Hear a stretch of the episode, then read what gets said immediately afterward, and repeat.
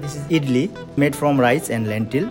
Uh, this is onion uttapam. This is also vegan. This is made from uh, lentil and rice. This is plain dosa. This is uh, also made from the same thing, rice and uh, lentil.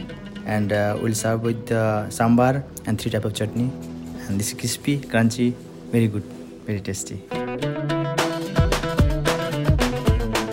Ik ben kookboekenschrijver en tv-kok Jiro Krant. En dit is de Vegan Lekkerbek. De culinaire podcast die bewijst dat engeltjes geen dierlijke producten behoeven om uitbundig op je tong te piezen. In aflevering 20 van jouw favoriete podcast reizen we naar het land met meer inwoners, talen, religies en meer keukens dan welk ander land ook ter wereld. Mijn hooggeëerde gast verhuisde van een overbevolkte metropool aan de Arabische Zee naar een slapend stadje in de Noord-Hollandse polder. Maar in haar kookboeken voedt ze ons met de bedwelmende geuren en smaken waaraan zij voor altijd haar identiteit zal ontlenen. Hier is onze Bollywoodster uit Hoofddorp, Paula Miyoshi. Woehoe, dankjewel. Sprak je dat een beetje goed uit? Ja, ik denk je krijgt eh 8 van de 10 puntjes. Oké, en als je het helemaal goed doet op zijn Bengaals? Dan is het Polomi met een O. Niet de makkelijkste manier om de O te zeggen, want in Nederlands gebruik je heel veel van je keel. Met k. In Bengaals is alles met je mond. Dus O, O, O. Ik ga het proberen in de rest van de podcast, maar geen garanties. Welkom in de Vegan Lekkerbek. Ontzettend leuk dat je er bent. Je bent de twintigste gast en ook de twintigste die ik vraag... wanneer heb jij voor het laatst vegan gegeten? Oeh, eh, ik denk gisteren. Mm, ja, avondeten was wel vegan. Ik had een eh, tofu curry gemaakt met rijst. Eet je vaak plantaardig thuis? Ja, ik denk wekelijks is wel vegan. Ehm, heel af en toe, eh, misschien één keer per week, iets met paneer. Want ik hou van paneer, dat is eh Indiase kaas. En heel af en toe misschien kip, dat is het. Nou, je laatste boek is ook een vegetarisch boek. Ja. Gaan we het zo direct uitgebreid over hebben. Je bent geboren in Kolkata, of wij zeggen in Nederlands Calcutta. Ja, Maar het is hetzelfde. Opgegroeid in Mumbai, Bombay, is Ja. ook hetzelfde. Ja. En sinds 2017 expat in Hoofddorp. Dat moet een culture shock van je welste zijn. ja, van, eh, ja, van een land waar je kan niet iemand goed horen. Ik kan nu mijn adem horen in Hoofddorp. Dus ja, dat is wel echt een eh, grote verschil van waar ik woonde en waar ik woon nu. Ja, het doet me herinneren aan een stripje van Donald Duck. Kwik, en kwak, zeg je dat wat? Oké, nee. Nee, dat is geen cultuur die eh, India heeft bereikt. Nee, wij hadden wel Donald Duck. Ja, die had drie neefjes, Kwik, en Nee. kwak. En die gaan op Oh. een gegeven moment uit logeren op de boerderij van oma Duck. Mhm. En het is daar zo stil dat ze niet kunnen slapen. Ze zijn Duckstad gewend met al het lawaai. En dan gaan oma Duck en haar knecht Gijs Gans op het dak zitten van de boerderij. Met allemaal potten en pannen waar ze op gaan slaan. En dankzij dat lawaai vallen Kwik, Kwek en Kwak dan uiteindelijk toch in slaap.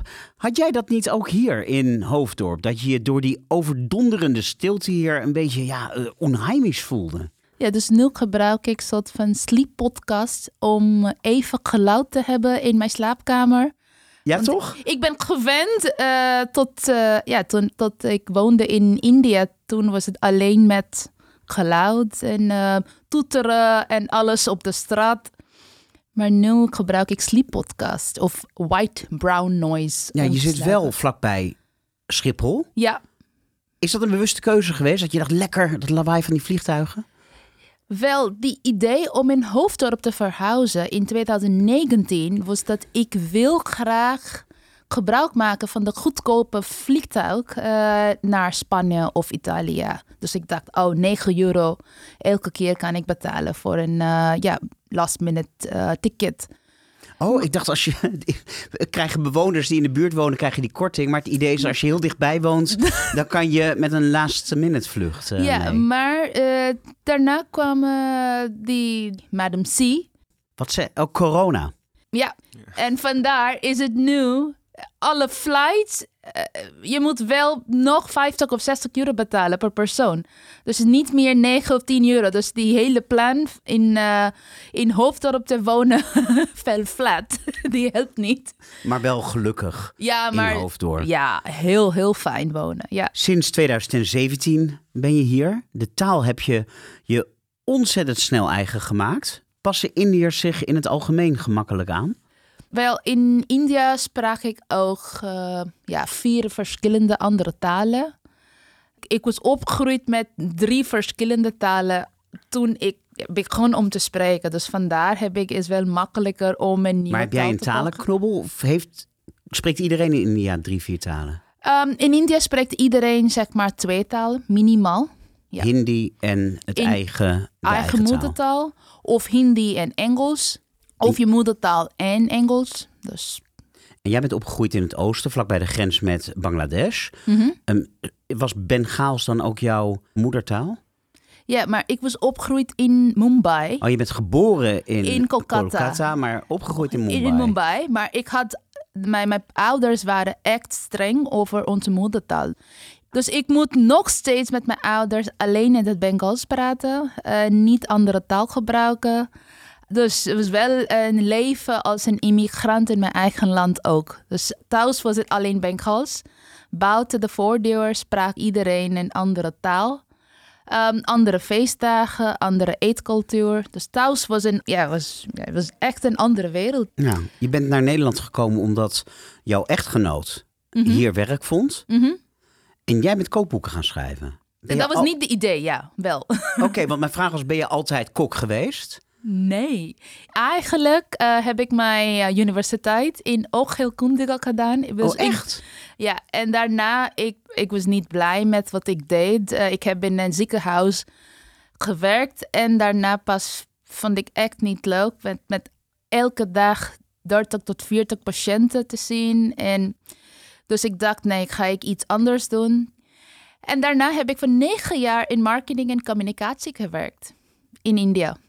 Dus nooit als een uh, kook. Of en wanneer is dat idee gekomen om hier in Nederland de missionaris te worden van de Indiaanse keuken? Dat was, uh, toen had ik wel alle uh, restaurant menukaart uh, in Nederland gezien. Iedereen heeft dezelfde gerecht op de menukaart. Dus zie je wel um, ja, um, paneer butter masala of naanbrood. Ja, dan heb je het is... over India's restaurants. Ja, ja, ja, over India's restaurant. Ik dacht, nee, dat wil ik veranderen. Ik wil mensen iets meer leren kennen over wat heb ik opgegroeid met.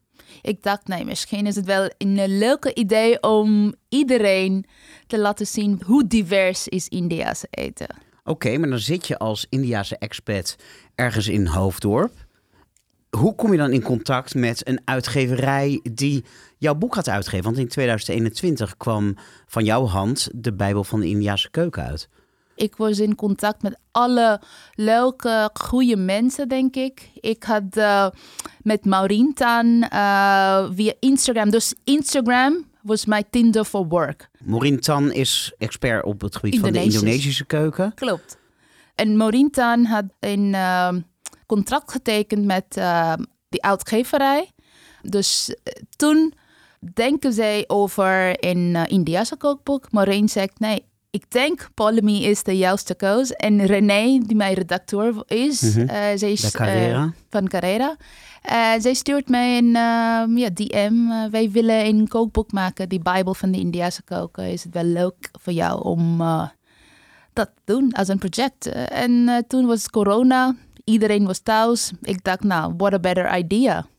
Ga door met dit. Ja, en in 2021 kwam dat kookboek uit. Ja. 500 pagina's en 234 recepten. Klopt. En het werd een groot succes. Het werd genomineerd voor het Gouden Kookboek. Hoeveelste druk nu? Het is nu op de derde druk. Ja. Derde druk. Mm -hmm. Ik vraag me af, heb je dat boek in het Nederlands geschreven? Hoe heeft iemand het vertaald? Hoe, hoe heb je dat gedaan? Ik had alles in het Engels geschreven, want wij hadden alleen vier maanden om alle recepten uit te schrijven. Elke week 15 recepten en René had alles vertaald. Dus wekelijks hadden wij 15, 15 recepten al klaar in een paar weken. Ja. Maar die andere boek, heb ik alles zelf in Nederlands Echt waar? geschreven. Ja. En het andere boek is Vega India. Het eerste boek besloeg heel India. Wat me een soort Mission Impossible lijkt. Want het is een land, ik zei het al in de inleiding, met de meeste inwoners ter wereld. Niet meer China, maar sinds vorig jaar is dat India. India. Het heeft honderden regio's, honderden talen. Kan je dat vatten? Ken jij wel al die regio's? Ik weet ook niet hoe ze in Kroatië of in Oost-West-Finland koken. Ken je al die keukens? Ken je al die gerechten?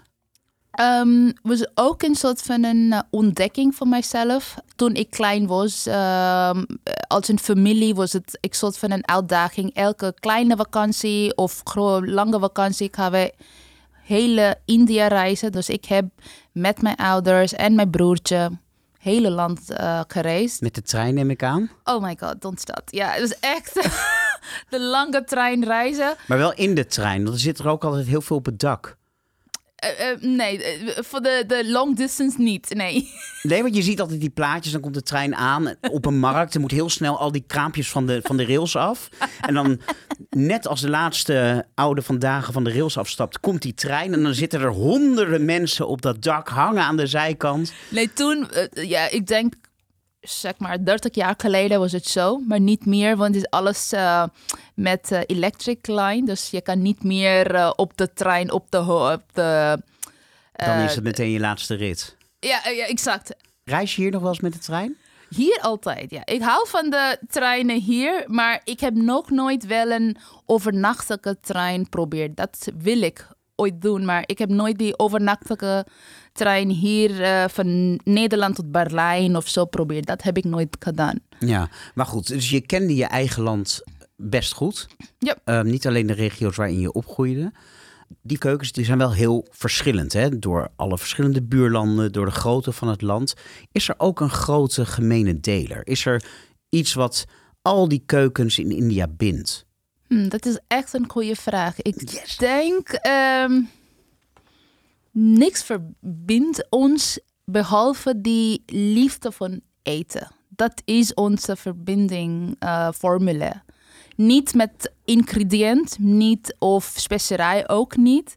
Maar wel de liefde van het eten is overal. Dat is de commonality in India. Iedereen houdt van eten. Iedereen spreekt over eten. Iedereen praat alleen over eten. Dus dagelijks, als ik eh appt mijn moeder of eh zus van mijn moeder, de eerste vraag is: heb je gegeten en wat heb je vandaag gemaakt? Ja, Dus- maar wat ze eten in Punjab en Kashmir in het noorden... Mhm. heeft helemaal niets te maken met wat ze eten in West-Bengalen in het oosten of Chennai in het zuiden. Klopt. Helemaal andere groenten, andere soort olie of vet gebruikt. Dus helemaal anders. Maar toch moet dat dan in één boek. Dat was wel e- echt een eh, uitdaging voor mij. Eh, eh, En ik had wel, eerlijk gezegd, had ik wel een grote lijst van duizend recepten gemaakt. Want ik dacht, nou, dit wordt misschien drie Bijbels van Indiase koken, niet eentje. Maar moet ik wel eh keuze maken voor één boek. Maar het is wel echt verschil. Dat zie je wel ook in de boek. Ja, Van nooit. 234 recepten. Ongelooflijk. Nu gaf je mij genadeloos op mijn kop toen wij uit eten waren. Want dat hebben we ook gedaan. Komen we later over te spreken. En toen had ik het over curry's. Toen zei curry's, nee, nee, dat bestaat niet. Niemand in India spreekt over curry's. Dat is een Engelse uitvinding. Maar daarna ging ik in je nieuwe boek lezen. En er staan 10 curry's in. En je noemt het zelf gewoon curry. Ja, maar als je ziet op de pagina nummer 4 of 5 heb ik wel geschreven waarom is het woord curry niet een gebruikselijk woord in India. Ik heb wel dat ook geschreven. Waarom gebruiken wij geen currypoeder of het woord curry? Ja, maar als jij het vervolgens zelf doet, dan mogen wij dat natuurlijk ook gewoon curry noemen. Ja, dat, ja, mag wel. Alleen je moet wel weten dat Indiase eten is meer dan wat het woord curry is. Ja, want wat is curry? Ik hoor altijd twee verklaringen. Of het komt gewoon van de curryblaadjes, de curryblaadjes. Maar ik hoor ook vaak dat het is afgeleid van curry, als ik het goed uitspreek, een woord in het Tamil. Klopt. Wat zoiets betekent als eh, gespleten, gebroken. Wat dan zou slaan op de pulvruchten die gespleten worden. Mhm, mhm. Maar wat is het nou? Is het van de curryblaadjes Of van of van het gespleten uit het Tamil? Nou, eh, wij moeten dat aan de Britten vragen. Maar curry, die woord in elke taal in India heeft een andere woord. Bijvoorbeeld in Bengals zeggen wij uh, jhol of dalna. Dus als je wil die concept uh, zeggen van het woord curry, dan zeggen wij egg curry is dimer dalna. Dus dalna betekent curry. In de taal van mijn man, dat is Marathi, zeggen wij rasa. Dus rasa betekent curry. In het zout zeg je kolumbu of goju. Dus elke taal heeft een andere manier om het woord curry te begrijpen. En wat spreken jullie thuis samen? Uh, wij spreken Hindi. Een andere taal van uh, Ja, elkaar. gewoon de nationale taal van India. En wij hebben geen nationale taal in India. Nee, maar de, eh, de, Meest de- gesproken de, taal. facto de nationale taal Engels en Hindi. Ja, maar ik kan wel eh, ja, straf krijgen als ik zeg Hindi is de nationale taal. Nee, wij hebben geen nationale taal in India. Nee. Oké, maar bij curry denk ik aan een gerecht in een, een beetje natte saus. Klopt. Vaak met rijst gegeten. Mhm. Of met brood. Met naan bijvoorbeeld. Maar dan heb je ook dal. Mhm. Dat zijn pulvruchten. Maar heel vaak zitten pulvruchten in curry. Is dal altijd curry? Dus dal is linzen of pulvruchten. Ja. Gekookt of rauw. Maar dan... Dus als je heeft een rode linzen, Mhm. dat is noemd als masoor dal. Dus masoor dal is ook gekookt of rauw. Maar dat is nooit een curry. Wat is dan het verschil? Dat is wel een dal. Dal is Maar dat is ook een in saus. Die saus komt van die. Als je kookt die linzen, Mhm. dan wordt het wel een, een eh, grote, dikke, indikte saus Mhm. van de linzen. En daarom is het geen curry. Dat is wel een dal. Ja, maar dan moet je me toch uitleggen... wat is nou het verschil tussen een saus die je dal noemt... en een saus die je curry noemt?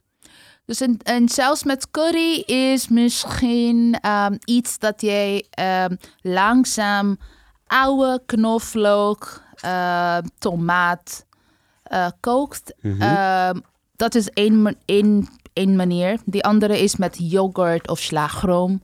Die andere is met kokosmelk. Dus dat betekent alle soorten curry.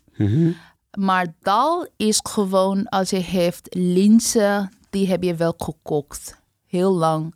eh, met een beetje specerijen toe. Dat is dal. Ik begrijp het nog steeds niet helemaal... want ik, heb, kijk, ik blader nu in je nieuwe boek... Vega India. En dan staat hier een kikkererwten curry, noem je het? En dat is dan met kikkererwten. En kikkererwten is pulvruchten, dus dal. Chana, ja, ja. Mm, Ja, oké, ja. Eh, maar mijn algemeen ehm, zin is dat curry is niet alleen wat India eet. Dat Nee. is het. Iedereen eet curry, maar elke taal in India heeft een andere manier om het woord curry te gebruiken. Wij gebruiken het woord in onze taal nooit. Wij zeggen niet, wij gaan vandaag paneer curry maken. Of aardappelcurry. Dus dat zeggen wij nooit in onze taal. Maar als ik wil jou zeggen, wat heb ik gisteren gegeten? Dan ga ik zeggen curry, want jij spreekt mijn eigen moedertaal niet. Nee. Ehm, het is wel moeilijk eh, Het is heel moeilijk. ontwerp, ja. je tweede boek is nu uit. Een veel persoonlijker boek dan het eerste boek. Yes. Dat klopt wel. Ehm, waarin je concentreert meer op de gerechten uit je eigen regio. Met recepten van de gerechten die je zelf gewoon was te eten.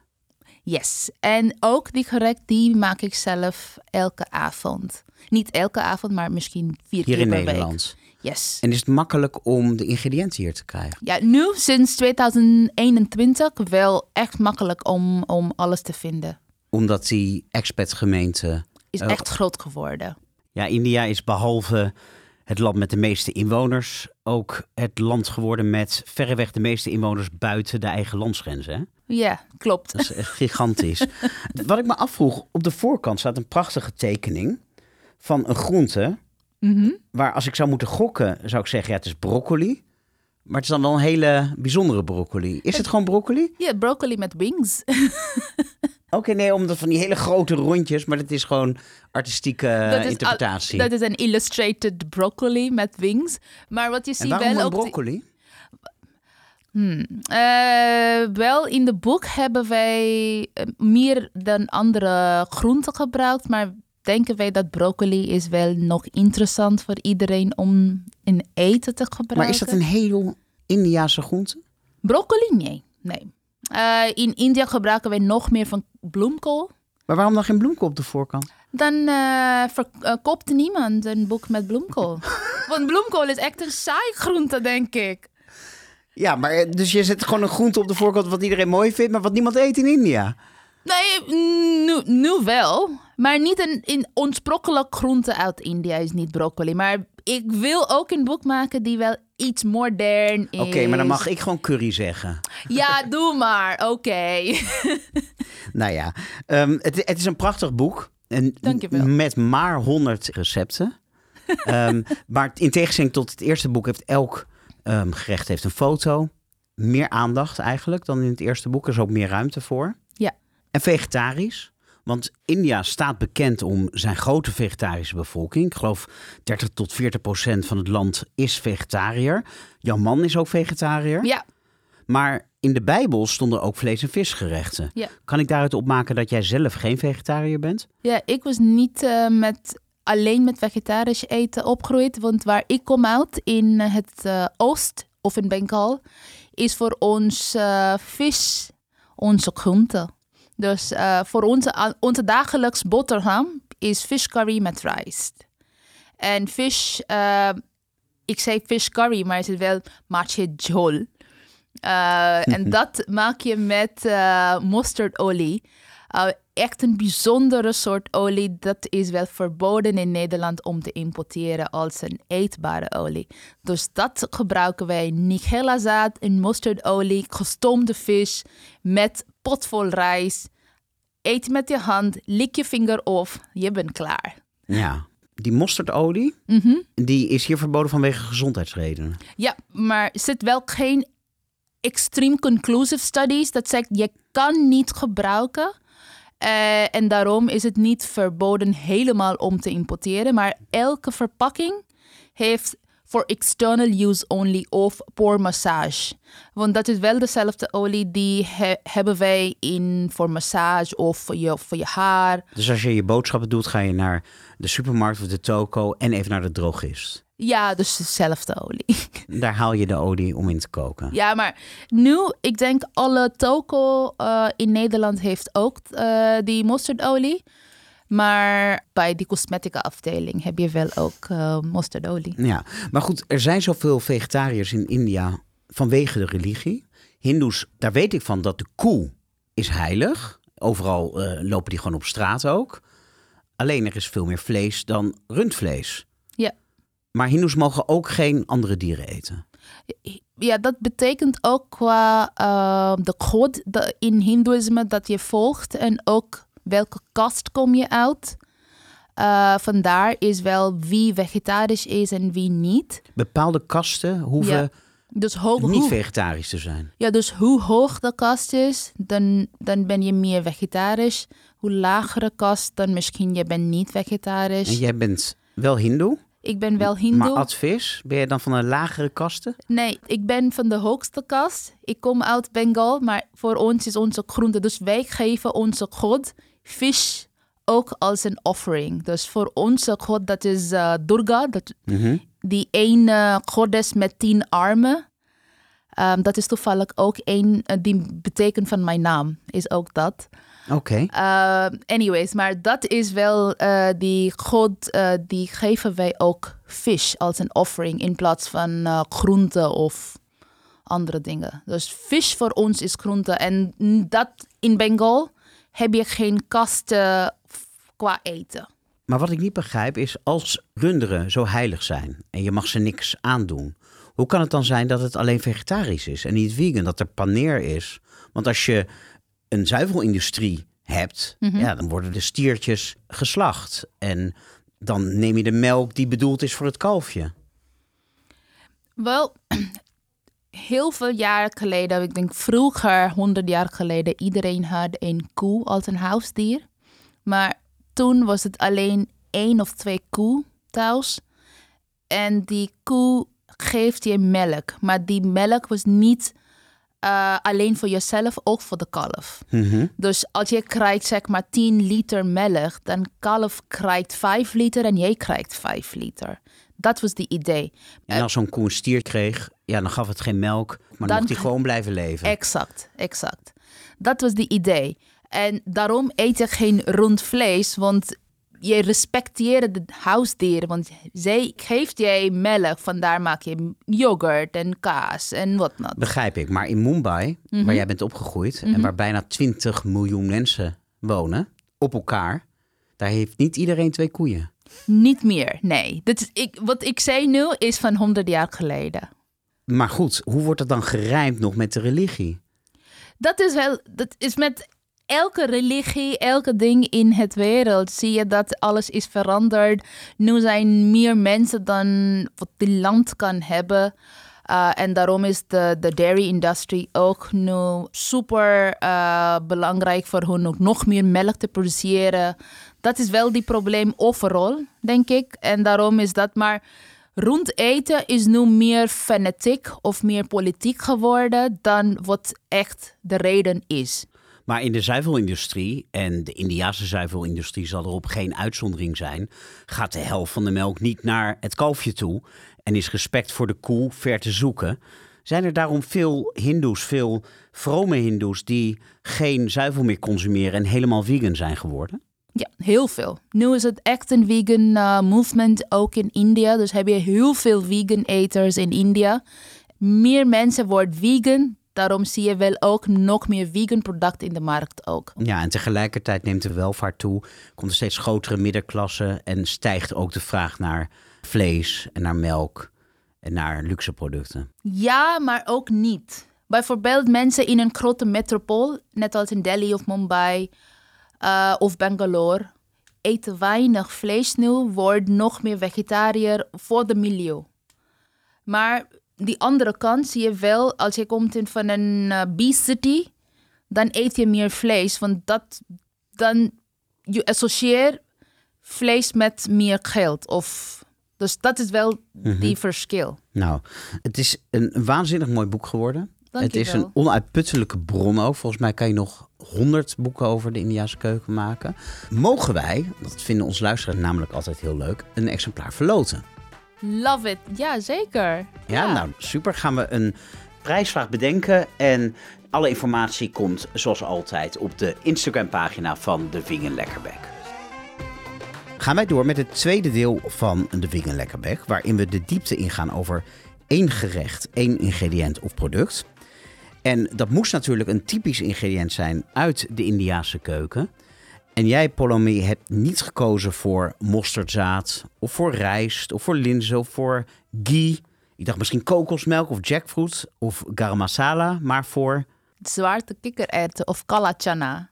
zwarte kikkererwten. Ja, ik wil een beetje aandacht brengen aan dit eh, lost eh, child, denk ik. Want eh, iedereen wil nu kikkererwten eten, maar niet kalachana. Die heeft nog meer smaak, nog meer vezels. Is het wel een super interessant pulvrucht. Die heeft niet meer aandacht, ik denk, in andere koken. Die zie je niet gebruikt.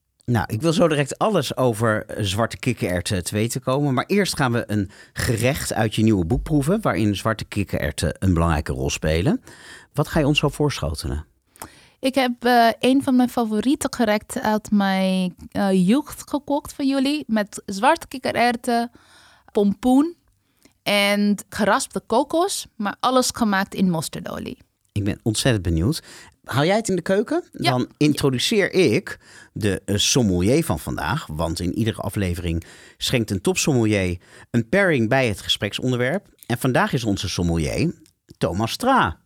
Hi, wel. Ga je mij nu welkom heten? Ja, ik wou jou welkom gaan eten. Ja, nee, ja. Het is het gastheerschap, denk ik. Ja, helemaal uit Rotterdam overgekomen. Waar je een wijnrestaurant hebt. Je geeft ook wijncursussen. En je importeert ook wijn. Ja. Onder de naam N-O-T-K. Ja. Dus ik dacht, nou, hoe spreek je dat uit? Is dat nou not K? En waar staat die K dan voor? Of is het op zijn Engels N-O-T-K? Dus ik vroeg je dat. En toen stuurde je me een link van uh, Wikipedia van de NOTK. Toen, oh, Oh, het is NOTK. Ja. ja, het is ooit een keer ontstaan toen wij eind 2021 het bedrijf aan het bedenken waren. En het concept aan het bedenken waren. En het idee van een Italiaanse enoteca spreekt ons heel erg aan. Een plek waar je wijn kan kopen, waar je wijn kan proeven, waar je ook nog lekker een beetje kan, kan eten. Maar er waren al meerdere enoteca's bij de KVK geregistreerd. En toen bij het beetje sparren over het ontwerp van het logo ontstond het idee van N-O-T-K. Op zijn Nederlands spreek je uit als enoteca. Ja, maar bij mij viel het kwartje dus niet. Nee, dat, maar dat merken we wel vaker.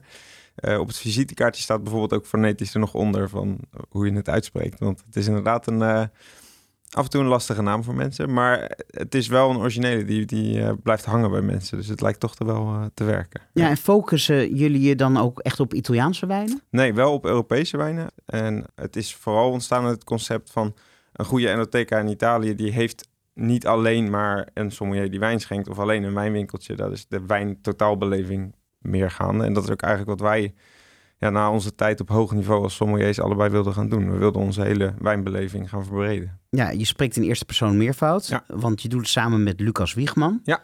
En jullie hebben elkaar ontmoet in Rotterdam in het restaurant van François Geurts. Klopt, ja. Twee sterren, hè? Twee sterren. Wij werkten daar allebei als sommeliers tussen de twee zaken in. Dus hij heeft een twee sterren en een één sterren zaak. En toen ik daar al een tijdje werkte, kwam Lucas ook binnen als sommelier. En zeker in die tijd, want ik heb er best wel even gewerkt, een jaar, drieënhalf jaar. In de tijd dat hij binnenkwam, was het sommelier-team daar echt op zijn hoogtepunt. Dat was een hele leuke tijd. Dat we over de twee restaurants verspreid vijf sommeliers rondlopen. Ja, dat was wel mooi. Uh, en, en, toen is die, ja, de vonk overgeslagen een beetje. En toen zijn de eerste ideeën voor onze eigen zaak al begonnen. Ja, jullie serveren ook eten. Mm -hmm. Dat is neem ik aan geen India's eten. Nee, nee. Is dat dan voor jou een extra uitdaging om wijn te koppelen aan India's eten? Ja en nee, omdat ik wel een link heb. En toen jij zei dat dit het onderwerp zou gaan worden, werd ik ook gelijk heel enthousiast. Want mijn vrouw is opgegroeid in Thailand. Natuurlijk compleet anders. Maar er is wel eenzelfde stereotype wat heerst rond het combineren van wijn met Thaise keuken, Chinese keuken, welke Aziatische keuken dan ook, dat het niet zou kunnen. En dat stereotype heb ik al zo vaak moeten doorbreken en zo vaak gezegd van, nou, dat, dat is echt geen probleem als je met een goede wijn kiest. Ja, nou, ik ben heel benieuwd Ja. wat voor wijn je hebt meegenomen. Maar eh, voordat we jouw wijn gaan proeven, wil ik jou wat laten proeven. Ik. Want ik stuitte op jullie Instagram-pagina op een heel leuk filmpje waar jullie, ja, ik moet het maar geloven, maar blind een wijn proeven Mhm. en dan 30 seconden de tijd krijgen om die wijn te beschrijven en te raden wat het is. Ja. Dat eh, gaat jullie heel goed af. Soms ook niet hoor, trouwens. Maar, Nou ja, die hebben jullie niet online gezet dan. ja, dus daar moet je wat verder terugbladeren. Maar goed, ik heb ook een wijn meegenomen. ik ben benieuwd. Dan gaan we dat even live meemaken. Terwijl Polami opschept.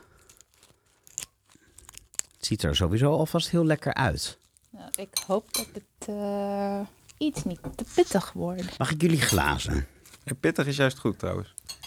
Daarvoor Nee, heb ik de wijn echt- meegenomen. Ja, Ja? ja, ja. ja. Nou, pittig is goed, maar te Toch is nooit goed, hè? Nee, maar ook in Bengal eten wij nooit pittig. Dus ik ga niet tegen echt hitte pittig eten. Kan ik niet.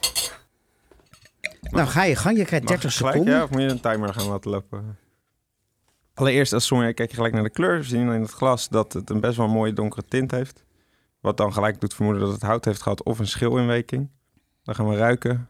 Ruik ik gelijk eh, een beetje een snoepigheid. Een rijkheid uit het hout zowel, maar denk ook uit de druiven. Wat tropisch fruit, hè? Mhm. Enorm filmend op het palet. Filmend bedoel je viscositeit, een Ja. dikke wijn. De zuren doen hun best om er doorheen te prikken, maar het is continu mondvullend en rijk en romig. Eh, dat gecombineerd met die kleur, dan zal mijn tijd ondertussen voor die 30 seconden wel eens een beetje voorbij zijn. Eh, Zou ik zeggen dat we hier heel zuidelijk zitten, dus misschien zelfs al, of Zuid-Italië of misschien zelfs al richting eh, Griekenland of misschien zelfs al richting Israël. En dan een eh houtgelagerde Viognier, Marsan, Roussan, die kant op. Ik, ga je de, ik heb hem ingepakt, uiteraard, omdat we Ja. het blind hebben hem heel goed ingepakt. Ik zal hem even uitpakken. Wauw, dat is een goede verpakking. Vind je hem lekker? Ja, ik vind het best wel mooi. Eerste fles. Indie, kijk, vet. Heel leuk. Witte wijn uit India. En dan moet ik, ik zit heel even snel achterop gelijk te spieken of ik ergens iets van een vermelding van een druif zie. Ja, het is Viognier. Het is Viognier, ja, Ja, gelukkig. dus dat heb je, ik pik hem er ook wel uit, hè? Er Ja, het zit is een heel beetje typisch, banaan in, een Ja. beetje ananas. Ja. En ken je deze wijn? Ik ken Grovers, ja, heel goed. Maar wat denk je? Wat denk je over die Indiase wijn? Wat is je mening over de wijn? Ik vind het heel mooi, maar wat ik, eh, ik ging ook gelijk naar, naar eh, Israël toe. Ik ken Israëlische wijnen best wel, heb ik wel wat van geproefd. Ehm, je merkt wel die warmte. Je merkt wel die dikke zon en die expressie en dat hele power, eh, heel veel power in heeft. Ja, maar jij dacht ook, die Yigal heeft natuurlijk Ja, iets nou ja. meegenomen waarmee hij me wil verrassen. Maar je dacht alleen de verkeerde kant op. Precies. Het was een van de twee anderen aan tafel. Zeg maar. Maar dat het Indiase wijn was, Nee, ja, Dat was een leuke verrassing, dat toch? vond- ja, ik vond het een leuke verrassing en ook een positieve verrassing inderdaad. Ja, de wijn is dus van het wijnhuis Grover. Een van de grotere wijndomeinen in India. Afkomstig uit Bangalore.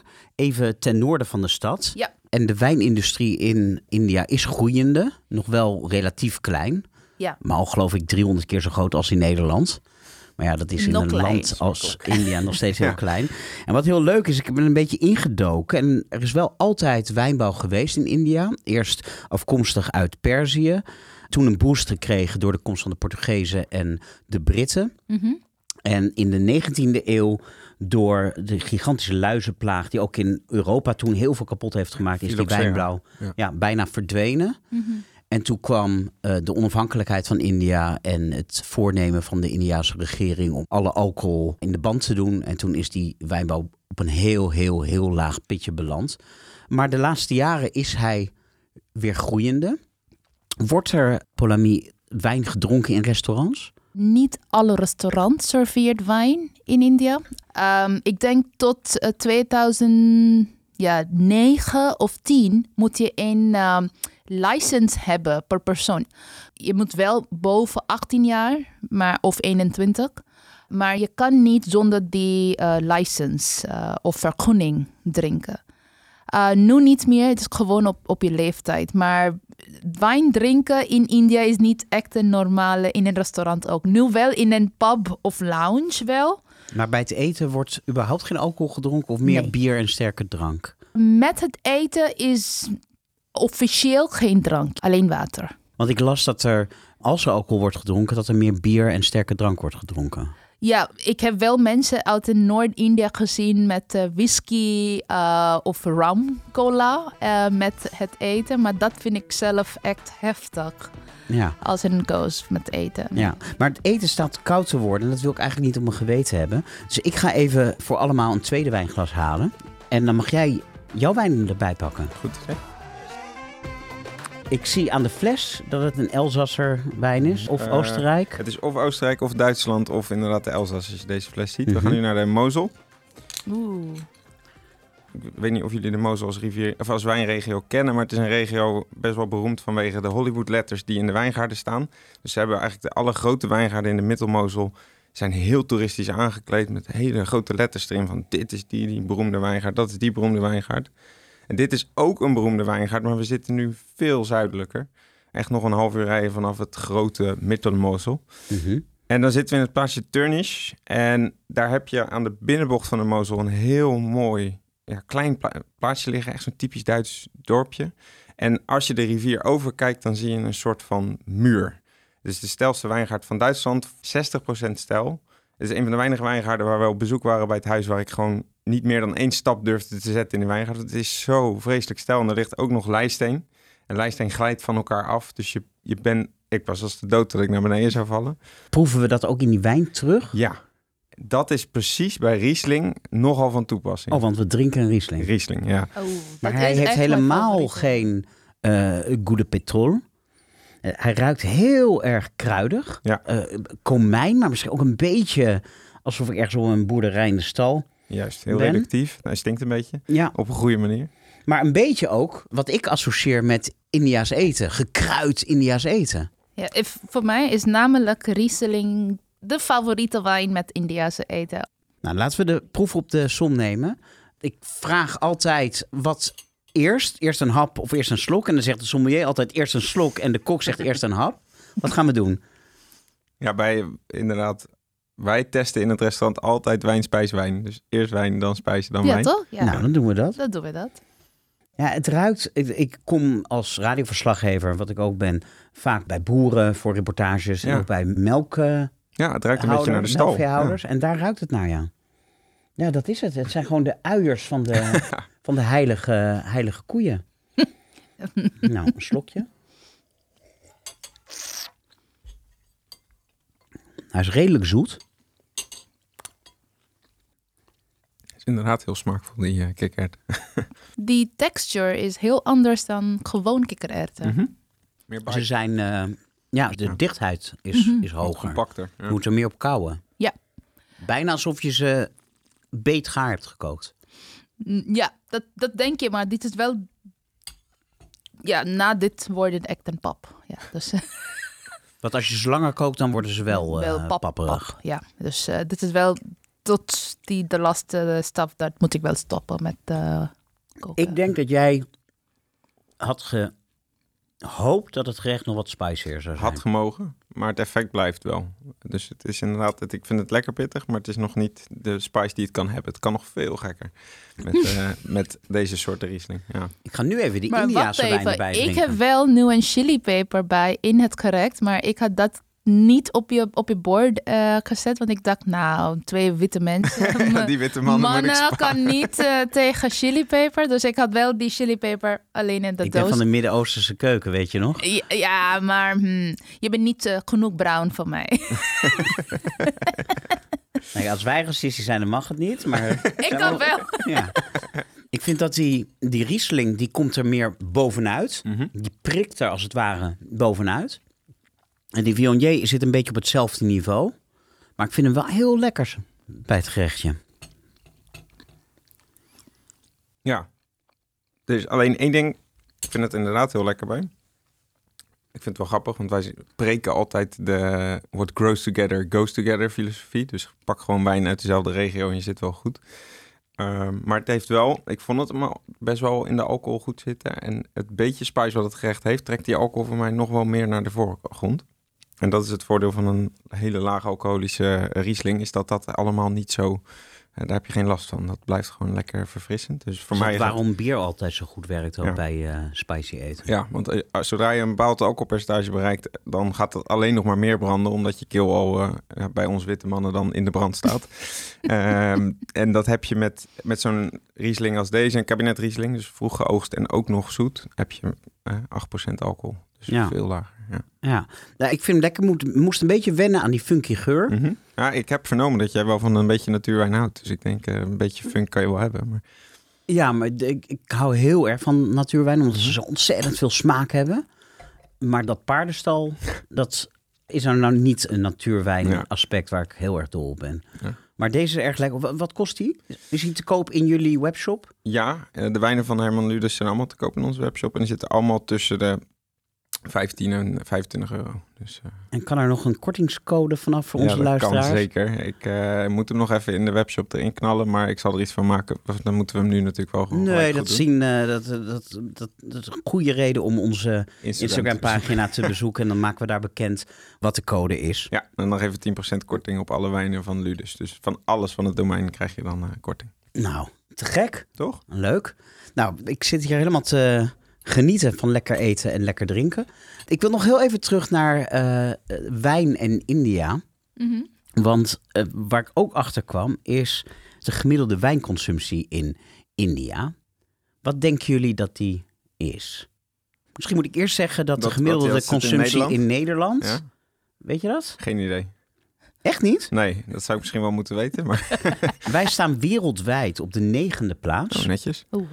Met 26,1 liter per persoon. En dan boven, geloof ik, 15 jaar. Waarom ze 15 jaar nemen, weet ik niet. Dat mag vanaf 18 Ja, of vol- 16. ja 18. 18 ja. En dan staan we bijvoorbeeld hoger dan Griekenland. Nummer 1. Frankrijk, Nee. Eh, Frankrijk op twee. Italië? Italië op 3. Spanje dan. Spanje op 8. Portugal. Portugal op 1. Oh, Op 4 Zwitserland. Op 5 Oostenrijk. Op 6 Australië. 7 Duitsland. Dan Spanje. En dan wij, Nederlanders. En op 10 daar net achter België. Dus dat gaat specifiek om wijn alleen. Specifiek om wijn, Ja. 26,1 liter. Hoeveel drinkt men per persoon boven de 15 jaar in India? Ja, als ik het zo hoor, niet zoveel, maar Doe een gok. doe een gok. Een liter? Minder. Minder. Ja, ik denk 0,005. I don't know. 9 milliliter. Ja. ja, ik ben niet verbaasd. Ik heb ook even opgezocht wat een slok is. En dat verschilt tussen mannen en vrouwen. Vrouwen, als ze een slok nemen, is het 20 milliliter. En bij mannen is een slok 25 milliliter. Dus het is ongeveer een derde slok. Een nipje per persoon. Dat is het gemiddelde per persoon per jaar in India. Maar ja, nu heb je in India 1 miljard 428 miljoen 627.000 en 663 inwoners. De laatste volkstelling in 2023. En in Nederland maar 17 miljoen 947.406 inwoners.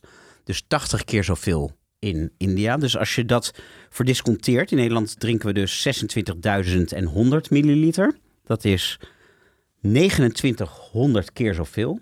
Dat kan je dan nog door 80 delen. Maar dan drinken we hier nog altijd 36 keer zoveel wijn als in India. Dus er zit nog wel wat rek in de Indiase wijnconsumptie. Ja, maar wat je betaalt hier in Nederland is wat je betaalt ook in India.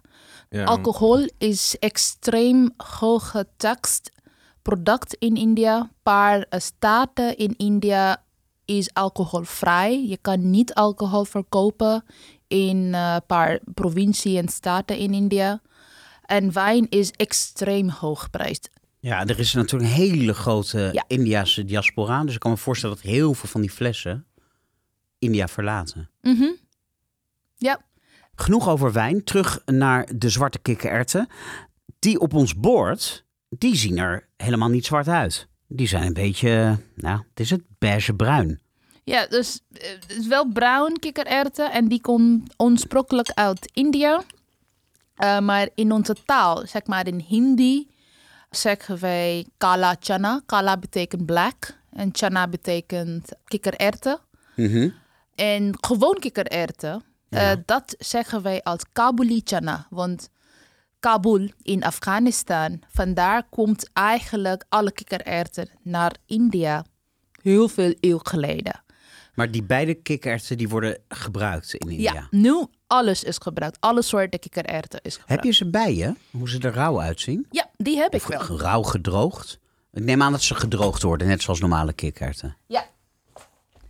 Ik heb wel eens geprobeerd om een hummus te maken met zwarte kikkererwten. Daar was je natuurlijk heel erg benieuwd naar. En dan die- gebruik je zwarte knoflook Oeh, en zwarte lekker. tegina. Dan krijg je een zwarte hummus. is echt super lekker. Oh wel, ik dacht je ook niet dat ze ging zeggen, maar dat is niet te dat moet je niet doen.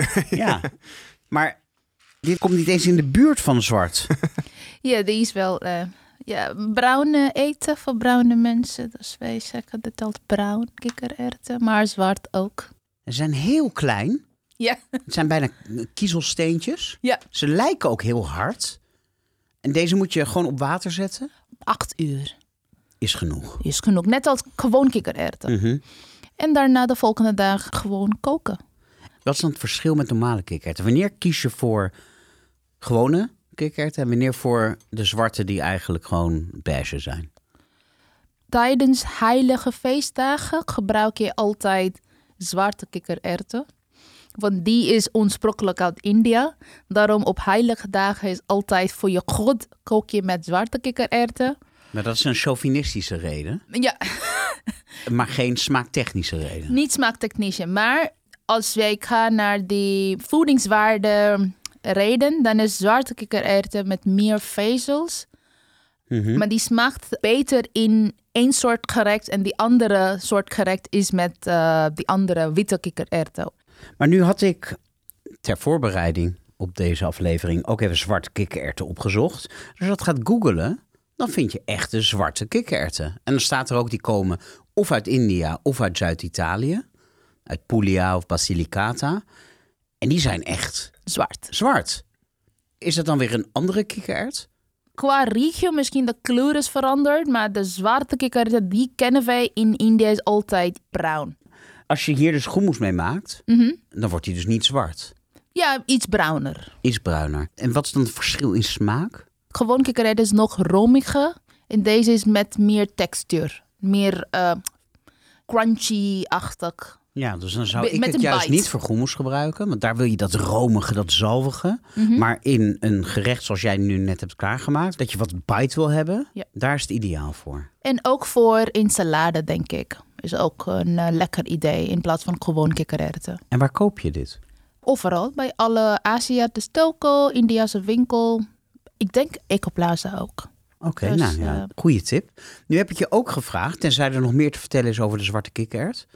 Nee, nee. Nee, dat dacht ik al een beetje. Dus ik, ik heb je ook gevraagd om wat ingrediënten mee te nemen die absoluut nodig zijn in je voorraadkast als je Indiaas gaat koken. Als je uit jouw boek wil gaan koken. Ja, dus ik heb wel die verboden olie voor jullie meegenomen. Is dit Mosterdolie. ook- Dit ook mosterd. gemaakt, toch? Of niet? Die, ja, deze gerecht is ook met eh mosterdolie gemaakt. Daar Dus- gaat je hele huis naar ruiken. hè?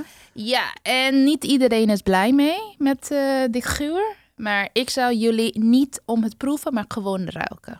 En is dit ook bij de drogist gekocht of gewoon... Ja? Ja, Dus ja. dit is voor de massage? Dit is voor de massage. Oh. Ja, Ruikt is wel echt echt fantastisch. iets heftig. Ja. Ja. Het heeft een beetje zo'n neusprik die je ook krijgt van wasabi. Exact. Ja. Ja, ik vind het wel heel prettig ruiken. Ja. Niet vies. Nee, is het niet vies, maar is het wel heftig. Het is inderdaad, het ruikt een beetje naar wasabi. Jij bent Ja. een sommelier, jij kan heel goed geuren beschrijven. Nou, dat was het eerste wat in me opkomt. Inderdaad wasabi, maar ook het hele warme van mosterd. Inderdaad, dat hele notige, aardse. Dat, dat heeft echt wel heel veel te bieden. Het is, en als je het bedenkt dat dit een kookolie is, andere olies allemaal veel neutraler van, zeker van neus en vooral op het palet dan heel complex zijn. Ik zou het eigenlijk wel een beetje willen proeven, maar je raadt het af. Maar dit is wel ook gemaakt, wat je heeft net gezegd, die, die soort van eh, aardige eh, ja, geur. Want die komt uit een andere soort eh mosterdzaad, die niet in Europa groeit. Oh. Zwarte mosterd, die zijn oorspronkelijk uit India en die heeft nog bittere smaak. Die zijn wel nog pittig of bitter. En dit is wel anders dan die gele mosterd. En mosterd bevat ook net zoveel olie als bijvoorbeeld sesam. En Ja. dan kan je gewoon uitpersen, koude persing en dan krijg je dit. Exact, maar die zwarte eh mosterd. Ja. En dit is geen neutrale olie, Nee. zoals Thomas zei. Dus alles wat je hierin bakt, krijgt meteen een mostardsmaakje. Exact, exact. En daarom zie je wel in, in die eten van onze regio in, het, in India, die Oost-India gerecht, zie je heel weinig gebruik van oude of knoflook. Want die werk van oude knoflook is die umami smaak, die brengt wel de mosterdolie. Dit is de enige olie die kan je boven 250 graden brengen en die brandt niet. Een heel hoog... eh, Heel hoge Brandpunt. ja, brandpunt. Ja. Die olie is lekker. Je hele huis gaat er wel naar ruiken, of niet? Ja. Dus het is zo'n typische geur. die Als je inderdaad, als je een keer bij iemand thuis komt die veel Indisch kookt, dan ruikt je hele huis ook naar die olie inderdaad. Ja, we hadden het eerder over de overdonderende stilte die jij, Polami, moet hebben ervaren toen je naar Hoofddorp verhuisde. Maar qua geur moet het minstens net zo'n culture shock zijn geweest. Want wij leven hier in Nederland toch in een ja, vrij geurloos landje. Terwijl ik me zo voorstel dat als je in India rondloopt, je op elke straathoek wordt overdonderd door een mengeling van, weet ik veel, uitlaatgassen, riool en superlekker eten. Dat moet hier heel anders zijn. Heel anders hier, want eh, in India ruik je altijd iets. In een eh, grappige eh, anekdote, toen had ik net verhuisd in Nederland in 2017. Het was wel koud, ja, april. Niet echt koud, maar voor mij was het wel nog super koud. Was het wel 20 graden. Ik dacht, oh my god, kan ik niet tegen dat koud. Goed, ik had hoe koud is het in de winter in Mumbai? eh 25. maar in het noord is het wel, het is sneeuwt in noord. Maar ik, ik heb nooit daar ge- eh, gewoond. Dus voor mij is het wel 25 ook wel koud. Ehm, in de winterjas, eh, die hangt altijd eh, bij mijn koken. Dus eh, de winterjas heeft alle geur van mijn koken. in de bus met mijn jas. Iedereen kijkt naar mij. En vandaar heb ik altijd mijn winterjas in, inside mijn kledingkast gedaan. En sindsdien heb ik nooit... Iedereen kijkt naar mij met een eh, winterjas met Indiase kruiden. Want the minute you step into your bus of trein... Iedereen weet, je bent Indiërs. Ja, maar dat, Nederlanders zijn ook heel intolerant als het op geur aankomt. Hè? We vinden hier al heel snel dat mensen geen knoflook moeten eten, want dan stink je uit je mond. En we vinden dingen al heel snel raar ruiken. Sowieso extreem ongetraind in het herkennen van geuren. Wat merk je daar als sommelier van? Natuurwijnen vinden Nederlanders denk ik ook al heel moeilijk. Ja, maar we vinden het ook allemaal heel eng om te zeggen wat we ruiken. Dat is het vooral. Dus als je aan iemand vraagt van vertel eens wat je ruikt of vertel eens wat je proeft. In een wijn, wat in principe iets is waar je geen fout antwoord op kan geven, want dat is persoonlijk. Dan is het al heel gauw van, ja, dat weet ik niet, maar dat kan ik niet. Daar heb ik nog nooit, d- daar ben jij voor als sommelier. Dus dat is iets wat heel erg in de Nederlandse cultuur, ja, wij, we leren onze kinderen kijken. Dus we leren, hè, dit is rood, dit is groen, dit is blauw, dat is een boom, dat is een aap. En we leren onze kinderen wat voor geluid maakt een koe, wat voor geluid maakt een auto, allemaal. Maar bijna niemand gaat proeven actief en ruiken actief met zijn kinderen. Dus dat, bij mijn kinderen proberen we dat wel wat meer op te pakken. Maar dat is echt een, het zijn twee zwaar ondergewaardeerde zintuigen inderdaad in, in Nederland. Ja, terwijl de ultieme roman over geur, Das Parfum van eh, Patrick Suskind, een Duits boek is. Ja, En Eau de Cologne is een Franse uitvinding, zowat alle beroemde parfums komen uit Frankrijk. Dus eh, het is niet zo dat wij Westerlingen een onontwikkelde geur hebben. nee. Die angst voor geuren is blijkbaar iets typisch Nederlands. Maar ja, misschien is eten en drinken überhaupt gewoon iets heel functioneels in dit landje. Het moet functioneel zijn hier. Het moet eh, snel. Ja. Misschien voor je kinderen kan je wel die mosterdolie brengen. Ja, Je had het daarnet over mensen die geen uien en knoflook gebruiken. Mhm. Dat heeft een religieuze achtergrond. Hè? Binnen sommige stromingen van het boeddhisme is het niet toegestaan om knolgroenten zoals uien en knoflook te eten. Klopt. Wat ons bij de volgende Indiaanse smaakmaker brengt, namelijk asafoetida. Ja, dat is die andere bijzondere ingrediënt uit India. Wat ook al zo stinkt. Dat stinkt wel. Ja, dat stinkt wel. En dat is wel um, ingrediënt dat gebruik je om beter te verteren. Of als je wil geen oude knoflook eten, dan snoef je van asafoetida. Ja, echt een, een kwart theelepeltje. Ja, one eighth, zeg maar. Not even kwart, maar one eighth. Ja, ongeveer net zoveel als Snoef je. de gemiddelde Indiaan aan wijn drinkt op een jaar. Ja, bijna. Ja. En je kan dat kopen als een soort hard stuk Mhm. of als poeder. Harde stuk of als een poeder, maar poeder is nog meer eh, verkocht. Want die harde stuk, dan mm, iedereen moet wel dat raspen en gebruiken. Dan is het iets lastig. Duivelsdrek heet het in het Nederlands volgens mij. Ja, dat is wel eh, die, die Nederlandse naam. Maar die, de plant groeit alleen in Iran. En India is de enige importer van eh, die sap van Ja. die plant. Ja, ik denk dat de Nederlander die dit in der tijd duivelsdrek noemde, er niet zot op was. Maar het is voor mensen die van de dokter geen knoflook mogen eten, echt een uitkomst. Als iemand volgt ook die FODMAP, uh, wat? FODMAP dieet. Oh, oké. Ja, dat is wel niet. een echt bekende Nederlandse heel dieet. streng dieet. Ja. We, hebben Ja. Het, we hebben het een paar keer gehad in het restaurant. En dan krijg je echt veertien kantjes aan dingen die niet mogen. Dat is Ja, echt heel- waar. heel veel dingen dat je heel mogen moeilijk. niet eten. Ja. Ja. Ja. Ja. Je kan niet oude knoflook, bonen, ja, lactose, eh, heel veel dingen niet eten. Maar daar kan je wel asafoetida. En hoe gebruik je het dan? Is het net zoals knoflook dat je uien, fruit en daar een heel klein beetje asafoetida bij doet? Dus je kan ook die oude sla over als je gebruikt asafoetida. Dus oude en knoflook smaak krijg je als je heeft de asafoetida direct in hete olie toegevoegd. Dus aan het begin van een gerecht. Dus begin van het gerecht, olie, snoef je asafoetida en dan heb je de smaak van oude en knoflook. That's it. En daarna de volgende ingrediënt toevoegen. En dan gaan wij ook door naar het volgende ingrediënt. Wat heb je nog meer in je zak Ik zitten? heb een bakje vol met specerijen. Die noemen wij als die Bengaalse vijf kruidenmengsel. Five Spice. Five spice, die is echt anders dan die Chinese five spice. In Bengal noemen wij dit als paach poron. Want paach betekent vijf, poron betekent mengsel, Mhm. spices. Dus die zijn wel gebruikt in hele vorm en niet in uh, kruidelijke poeder. Jullie mogen dit ruiken of identify. Wat zijn de vijf... Oh, dat, oh, sorry, dat, Dat is we wel een raden. toets. Toets. Oh, maar dit ruikt gewoon naar de soek in Jeruzalem. De- misschien is het wel ehm, Nou ja, je, ik ruik venkel. perfect. One out of five. Maar ook weer mosterd, of niet? Ja. Perfect, ja. Twee out of five. Ehm, eh, hoe heet het? Ehm Gilbe in eh, Jemen. Ehm Mhm, mhm. Fenugreek. Ja, klopt. Three down, two to go. Ik kan natuurlijk ook gewoon naar de zaden in mijn hand kijken.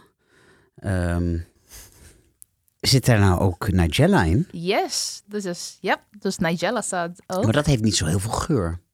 Nigella heeft niet, maar wat je ruikt wel is meer van die komijn en Komijn, ja, ja. Dus die vijfde was komijn. Ja. Ja. Heel lekker. En dit kan je dus gewoon ook zelf maken. Ja, die kan ik gewoon eh, zelf maken. Alle spices eh, loskopen, mengen. En dan heb je die vijf spices. Deze in een klein beetje van mustardolie. Hoef je geen andere specerij te gebruiken. Dan heb je een lekker gerecht in no time. Ja. Hoeveel nieuwe ingrediënten moet je nou in huis halen?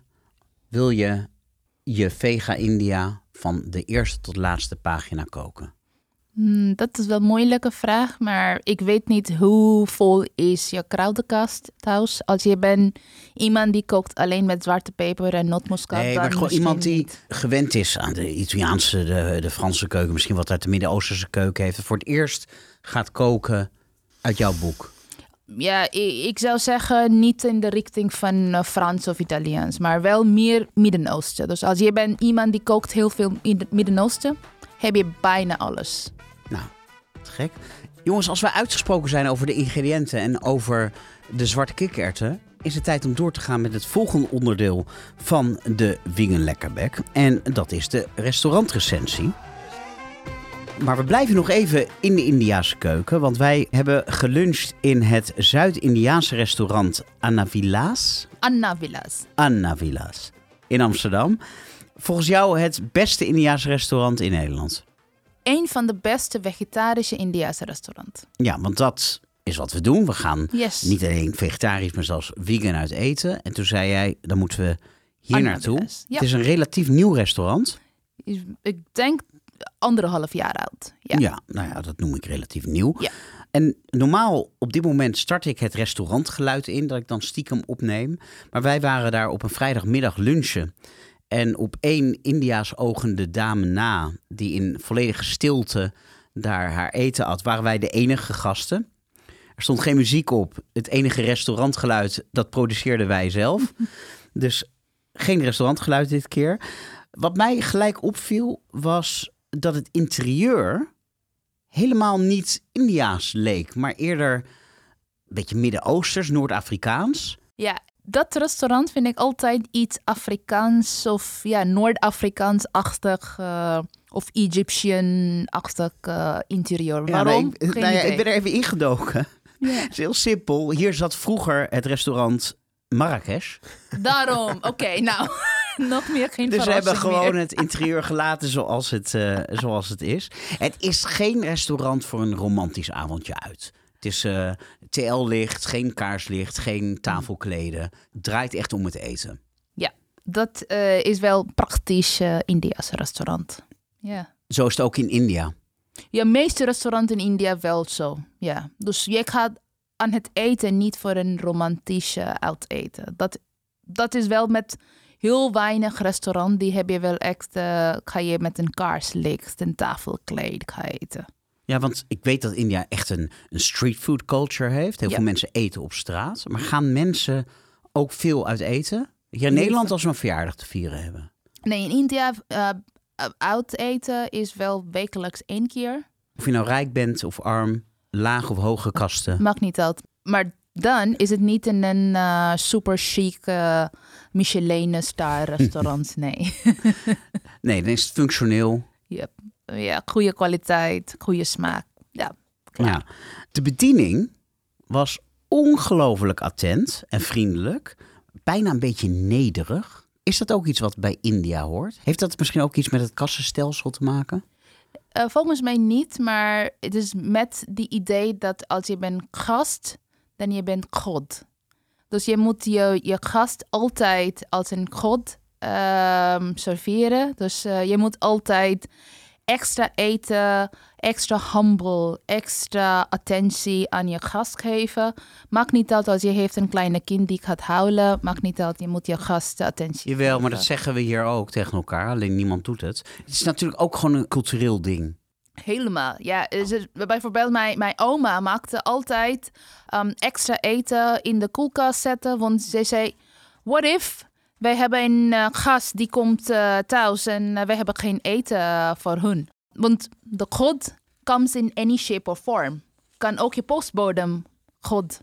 Of, eh, en niemand maakt een afspraak in India. Dus wij hebben geen afspraaksysteem. Ja, ik vind dat heerlijk. Wij hadden wel afgesproken. Ik had toen ik daar binnenkwam meteen keuzestress. Het menu is een heel boekwerk. Met allemaal pagina's zo in plastic eh, verpakt. Maar nou ja, echt, ik denk dat ze wel 80 of 90 dingen op de kaart hadden. Dat is wel elke Indiaanse restaurant. If je, als je heeft vijf in, eh, gerecht op je menukaart, dan je bent niet een goede Indiase restaurant. Maar ben je dan niet gelijk bang dat er heel veel uit de vriezer moet komen? Eh, nee, dus alles vers bereid voor jou. Alles aan een minuut. Ja, Maar dan heb je toch weer... Ja, dat, misschien is dat gelijk weer ons oogpunt. Maar we zijn bij ons bij NOTK best wel bezig met eh, niet te veel willen weggooien. En ja, wij hebben een heel beperkte kaart om die reden. Juist zodat je niet aan het eind van de week alles moet Jawel, maar je moet volgens mij ook een beetje denken zoals bij de Chinees. Ja. Je hebt de rijst met rozijnen, rijst met noten, rijst met... Het zijn allemaal variantjes exact. die wel heel erg op elkaar lijken. Ja. Maar je moet je wel concentreren. Ik was heel erg blij dat ik met jou was en dat ik zei... eh, kies jij voor ons uit? En het is een vegetarisch restaurant, maar niet vegan. Dus sowieso viel de helft af. Maar het was wel heel veel keus.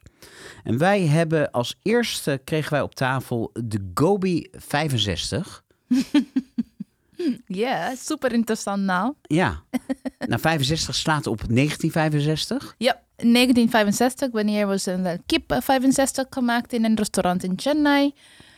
Iets pittig eh gerecht met eh, heel veel specerij. Want wij hadden geen kip, maar wel die manier van bereiding. En wat is die bereiding? De bereiding is met een klein beetje van eh, rijstmeel. eh, Mhm. met specerij. eh een beslag gemaakt met eh, die groenten. En daarna frituurd. Ja, het was bij ons bloemkool een beetje tempura-achtig. Achtig, ja. Je hebt natuurlijk ook pakora Ja. in India. Is dit dan een soort pakora? Nee, pakora becomes pakora als je heeft alleen kikkererwtenmeel gebruikt. In die geval is geen kikkererwtenmeel gebruikt. Maar er zat wel een soort jasje om die bloemkool heen. Exact. Ja, maar wat, dat, wat was dat dan? dat is de rijstmeel met de specerijen. Oké, nou, het was heel lekker. En het kwam met eh, twee dipsausjes.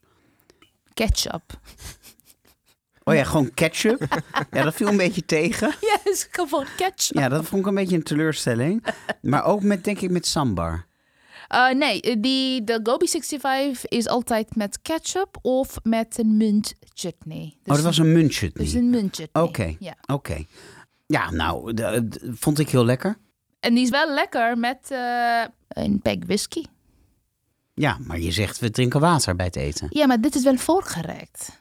Dus als je gaat met je vrienden even kletsen voor het eten, ga je Gobi 65 bestellen. En dan drink je er whisky bij. Ja, zeker. Ja, nou, wij dronken er soekoe koffie bij. Yes. En eh, dat heet koffie, maar het is cafeïnevrij. Het, het zijn specerijen, volgens mij zwarte peper. Gemberpoeder. En gemberpoeder en komijn. Ja, komijnpoeder of venkelpoeder of zo. En daar wordt gewoon water bij, heet water bij gegoten en wat suiker. Maar er zit geen thee in of zo. Het is niet een chai-achtig. Het lijkt eigenlijk meer op thee, Hmm. vond ik, dan op koffie. Of koffie, ja. Ja. En door de gember is het ook best wel pittig. Kick, ja. Ja, ik vond het wel lekker. Ja, het was echt een. eh, voor mij, ik heb ook eh, niet eh, ooit geproefd. Voor mij was het ook een eh, nieuw eh, drankje. Zo zie je maar. Zelfs de schrijver van de Bijbel van de Indiaanse keuken ontdekt nog Niemand in dingen. India heeft alles geproefd, dus eh, Ja. I'm not at fault. Nou, wat daarna opviel is dat we drie gerechten hadden...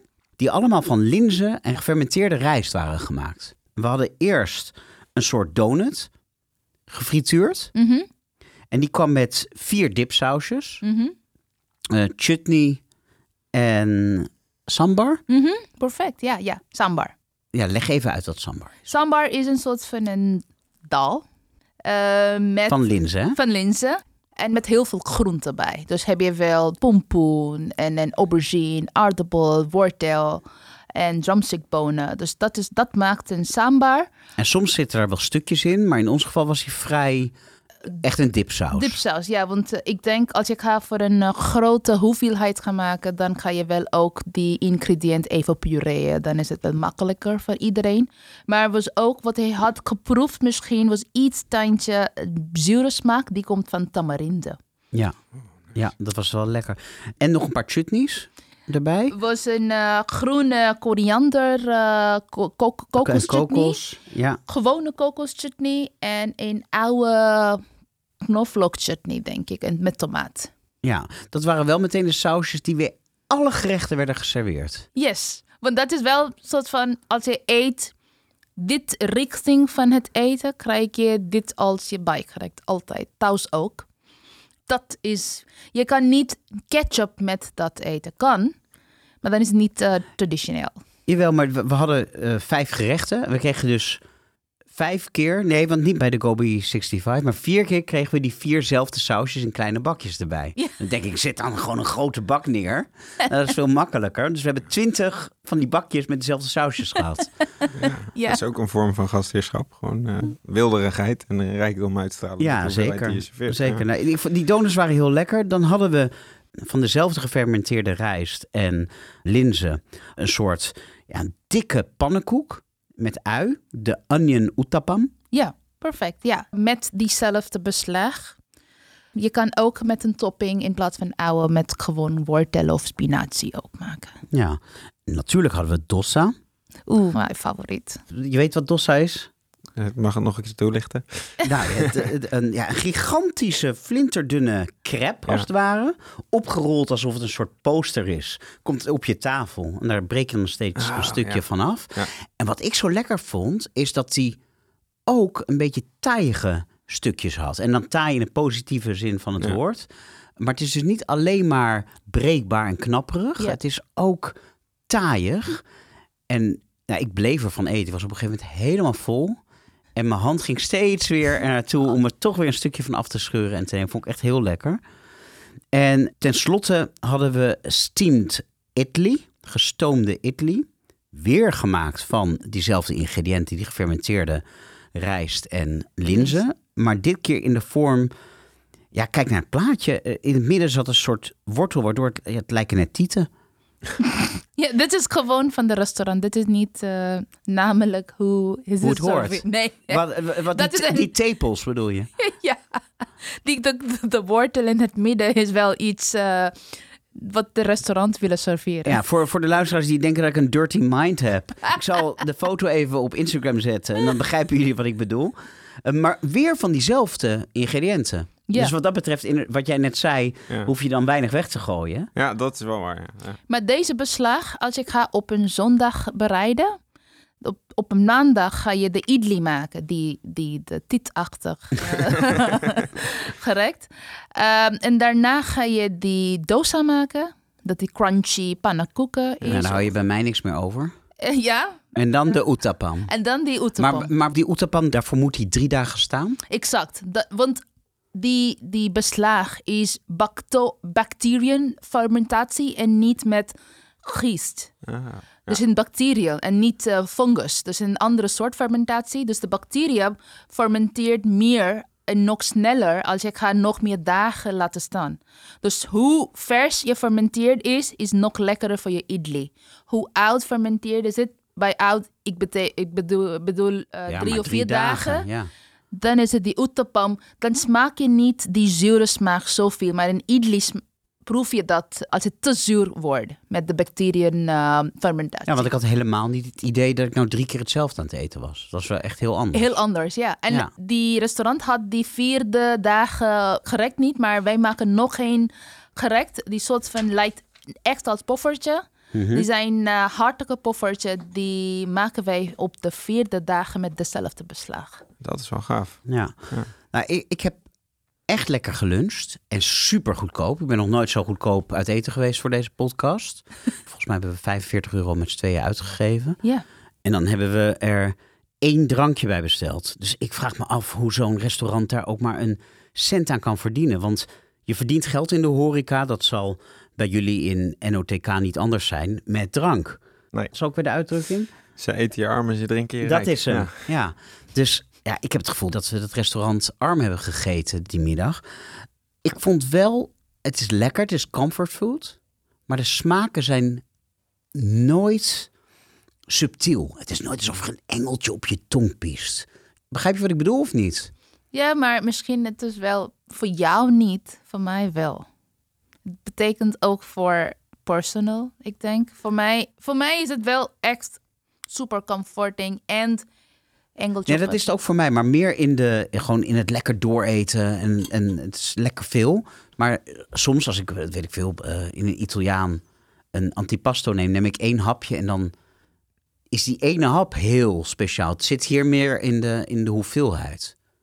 Dat kan ook met de ambiance in de restaurant kan ook. Of met die tijd, wie hadden, wanneer waren wij eh, waren bij de restaurant, kan alles. Andere external factors misschien ook. Ja, Maar ik denk als je gaat naar eh, Chennai of Bangalore in India. Ja. En ga je naar een restaurant die serveert ook ditzelfde eten. smaakt het precies zo. Precies zo, maar ook met die andere external factors, die de toeteren en mensen en de zweten, dan is het gevoel helemaal Ja, die anders. experience Dat hadden we hier anders. niet. Maar als je hier, je zei toen we daar zaten, als je hier s'avonds heen gaat, is het veel drukker. Ja. Dan krijg je iets meer mee van die Indiaanse vibe. Exact. Ja, dan zie je wel nog meer eh, muziek en mensen gaan praten. Er in stond een geen muziek op toen we Ja, waren. op een, op- ja, op- ik denk voor de lunchtijd niet, want er waren zo weinig mensen. Maar voor de, de avondeten zit heel veel mensen in. Het is Ja. altijd vol. Nou, wat mij betreft wel echt een aanrader. Zijn we aangekomen bij het afsluitende onderdeel van de Vegan Lekkerbek, namelijk het rare vegan ding, waarin we nieuwe plantaardige producten aan een kritische blik onderwerpen. En het leuke is dat toen ik mij voorbereidde op deze aflevering, eh, Polami, ik in eerdere interviews met jou las dat jij bitterballen het hoogtepunt vindt van de Nederlandse gastronomie. Ja, als iemand zegt, mm, snert is wel die lekkerst in Nederlands, correct? Voor mij niet. Bitterballen. Bitterballen wins the race. Nou, en laat supermarkt Jumbo nou deze maand net een nieuwe vegan snacklijn op de markt hebben gebracht. Voor in de oven of de airfryer. En dankzij mijn vrouw heb ik thuis een airfryer. Ik heb er nog nooit iets mee gedaan. Ik heb net moeten kijken hoe je dat ding instelt. Maar Jumbo heeft vier verschillende snacks uitgebracht. Bitterballen, kroketten, nuggets en kaasnuggets met chili. Nou ja, nepkaas dan natuurlijk. Voor jou uiteraard heb ik de bitterballen meegenomen. 12 stuks voor 3,90 euro. Dus een kwartje per stuk. Voor de prijs hoef je het niet te laten. En je kan ze vinden in Jumbo in het vriesvak. Althans, daar zouden ze moeten liggen. Maar het product is zo nieuw dat in mijn Jumbo ik het niet kon vinden. En toen ik iemand ernaar vroeg, meestal heeft het geen zin, hè? Dan zeggen ze, als het er niet ligt, dan is het er niet, of wat dan ook. Maar die ging naar het magazijn en die kwam terug met die bitterballen. Want het is zo nieuw dat ze nog geen plekje in het vriesvak in de winkel hadden. En het lag nog in het magazijn, in de koeling. Ik neem aan dat als eh, deze podcast klaar is om uit te zenden, dat die dan wel heeft. overal eh, te krijgen is. Maar mocht dat niet zo zijn, vraag er even naar. De bitterballen zitten nu ehm, twee minuten in de airfryer, dus we moeten nog even vijf minuutjes geduld hebben. Bitterballen staan letterlijk in ons ondernemingsplan bij NOTK. Wat, wat is een lekkere wijn bij bitterballen? Condrieu. Condrieu. Ja. Weer Viognier. Ja. Het staat letterlijk eh, in ons ondernemingsplan dat je... Wij moeten de zaak zijn waar je drie gangen uitgebreid bij passende wijnen heel moeilijk, zeg maar, echt helemaal wijnspijs in kan duiken.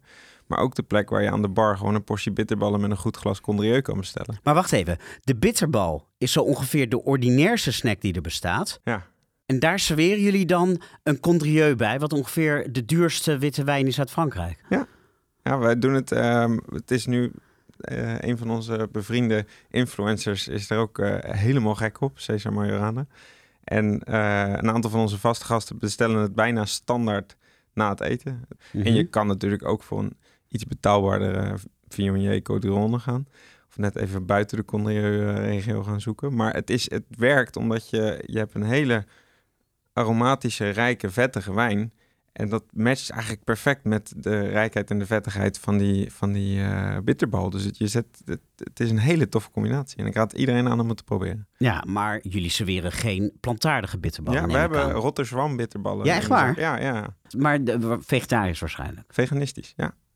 Veganistisch. Ja. Eh, hoe, hoe bind je het dan? Nou, ik, dat durf ik dus niet te zeggen, want we kopen ze in van Rotterdam. Maar die produceren een vegan bitterbal en die is fantastisch lekker. Dus eh, sowieso aan te raden. Nou, En- dus we hebben vergelijkingsmateriaal. Ja, ja ik, ben, ik eet ze wekelijks. Want ik gooi op zaterdag, zeg ik altijd tegen onze chef... eh, die weet ook te- waar hij aan toe is. Als ik naar de keuken toe kom lopen met een beetje een lang gezicht... van nou, het is wel weer het einde van de week.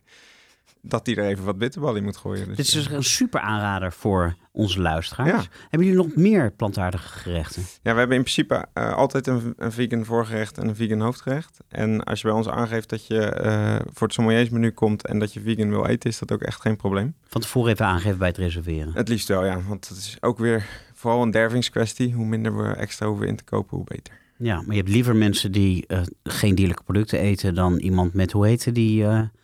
Voetmap. Ja, nou ja, ook daar kunnen we rekening mee houden. Maar die mensen die dat eten, die zijn ook wel gewend om dat ver van tevoren aan te geven, inderdaad. Ja. Ja. Is er een soort van Indische bitterbal? Zoals je in Italië daar een chini hebt, zeg maar. eh, We hebben wel, we hebben ook kroket in India. Ja? Ja.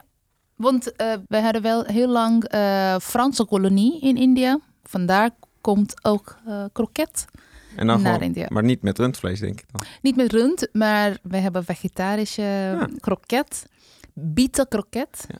en ook eh, kip kroket. Staat er een bitterbalachtig recept in je boek?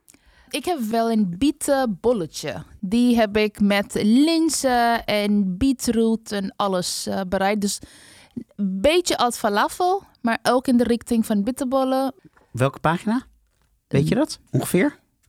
Voorkant van de boek maar, maar in de voorkant van de boek. En dan snacks. Even kijken. Ik moet zeggen dat ik had het boek aangevraagd. Ik had hem nog niet.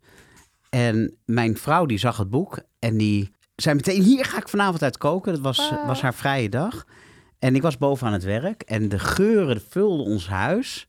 En het rook echt fantastisch en het was ook heel erg lekker. Dit. Oh ja, bietenballetjes. Bladzijde 75. Ja, het ziet er inderdaad een beetje uit. Je presenteert het een beetje als falafel. Klopt. Ook maar dan in een In een eh plat brood. Ja. ja, naanachtig brood. ja, ja. Maar je kan ook als een snack gewoon eten. Maar gaat daar dan geen ei in? Geen ei, nee. Dus hoe hou je dat compact? Eh linzen en kikkererwtenmeel. Ja, net dus- zoals bij falafel. Exact. Het is echt een wondermiddel, kikkererwtenmeel. Ja, ja. Dat is ook een goede tip voor mensen die willen paneren en geen ei willen gebruiken. Als je kikkererwtenmeel neemt en je lengt dat aan met water totdat het de consistentie heeft van ei, Ja? dan kan je daar echt even goed mee paneren als met ei. Ah, net zoals aquafaba in je, in je cocktails. eh. heb je dat wel eens gedaan? Ja, maar aquafaba in de verte ruikt en, en smaakt nog altijd een beetje naar Ja. kikkererwten. Bovendien moet je daar een, een blik kikkererwten voor opentrekken. En dan heb je die kikkererwten weer staan waar je wat mee moet. Hier heb je gewoon een zak kikkererwtenmeel. Doe je een klein beetje water bij. Je kan het meteen gebruiken. Het is goedkoper dan een ei. Er heeft geen kip voor eh hoeven te persen. Ja, dus het is eh, echt een tip. Hij is zover. Heel benieuwd. Oeh. Ja, ik zou zeggen, probeer met, ze. Met mosterd gewoon erbij. Ik heb eh, eh, wat eh, Dijon mosterd bijgedaan. Jij bent de expert, Polami. Wees kritisch. Ja, ik mis die, die ragout-achtigs. Die, die, die, de, de, de stretchy ragout, dat zie je wel in een gewoon bitterbollen. Dat mis ik in dit. Dus het gewoon lekker. Het is wel lekker. Ja, mist, het is echt gewoon een gladde ragout die erin is. Echt een, eh, bijna een soort gravy waar die mee gevuld is. Er Ja. zitten geen stukjes in. Ja, ja, Ja, de korst is een beetje een, het is echt een plakje wat er omheen zit. Zeg maar. ja. In plaats van een mooie, fijne, losse kruim heeft het heel erg een plakkaat van... eh, De korst. Ja. Ja. Maar ik vind die courgette wel heel erg lekker. Hij is wel goed krokant. Ik vind hem heel krokant. Ik vind de smaak eigenlijk ook. Ja, ik vind hem ook heel lekker. Het, een- inderdaad, wat jij zegt. Je mist een beetje die structuur Mhm. van een echte bitterbal. Ik vind de nasmaak wel echt heel prettig. Echt alsof je een echte bitterbal eet. Mhm. Maar wat is het gemaakt van? Is het champignon of groente? Wat is het? Het is, zoals wel vaker bij dit soort producten, een ongelofelijke waslijst aan ingrediënten. dus als je daar allergisch voor bent, moet je dit absoluut niet kopen. Het eerste ingrediënt? Water. Ik denk Ja, heel goed. Wat? Water. Wa- Dan paneermeel, logischerwijs. Tarwebloem, margarine, sojabloem, tarwegluten, geïsoleerd soja-eiwit, ui, raamzaadolie, zout, verdikkingsmiddel E406, specerijen, emulgatoren E464, E466, aroma, zetmeel, glucosesiroop, bruine bastardsuiker, gehydrolyseerd soja-eiwit, champignonpoeder, peterselie, soja-eiwit, stabilisator, E450, zuurregelaar en E E500. Dus dat geen groente, maar gewoon champignon. Nee, het is geen groente. Je moet dit niet voor je dagelijkse hoeveelheid groente eten. Ja, Maar ik zou dit ehm, wel durven te serveren bij een borrel. borrel. Ja. Ja. En je hoeft er ook niet bij te vermelden dat het eh, vegan is, überhaupt. Nee, zeker qua Want smaak het niet. kan prima door voor een gewone bitterbal. Ja. Ja. Ik ben, ik ben helemaal blij als ik krijg dit voor een vrijdag uh, vrij mij bi- vrij mij bo, vrijdagmiddagborrel. Dus eh ik, ik Nou, ben, en we hebben hier geen condrieu, maar Nee. wel een houtgelagerde Nee, viognier. Zullen we even een slokje achteraan doen? Niet gek. Nee, ja, een vegan bitterbal en een eh Indiaanse viognier met hout. Hier moet jouw Indiaanse hart kijk, nou, sneller van gaan knoppen. Bitterbal waar je zo dol op bent, met een India. met de Indiaanse wijn. Ja. Lijkt mij een prachtig moment om deze aflevering te beëindigen. De twintigste aflevering alweer van de Vegan Lekkerbek. Nog even de oproep om allemaal een kijkje te nemen op de Instagram-pagina van de Vegan Lekkerbek. Simpelweg at de Vegan Lekkerbek geheten. Daar vind je achtergrondinfo over wat we vandaag besproken hebben, inclusief Polamies recept, de kortingscode voor de heerlijke Riesling en andere wijn. Alle wijn, hè? ja, alle wijnen Te gek. huis, Ja. Van Enoteca, die Thomas eh, schonk. En de prijsvraag waarmee je kans maakt op het prachtige eh, Vega India. Vergeet de podcast niet te belonen met 5 sterren op Spotify, iTunes, Podimo of waar je dan ook naar ons luistert. Echt even doen, want hoe meer positieve reviews we krijgen, hoe hoger de podcast komt in alle lijstjes. Het kost je drie seconden en geen geld. Polemy en eh, Thomas, dank voor het komen hoe zeg je Legaim Proost in Bengaals, Hindi, Tamil? Cheers. Cheers. Cheers.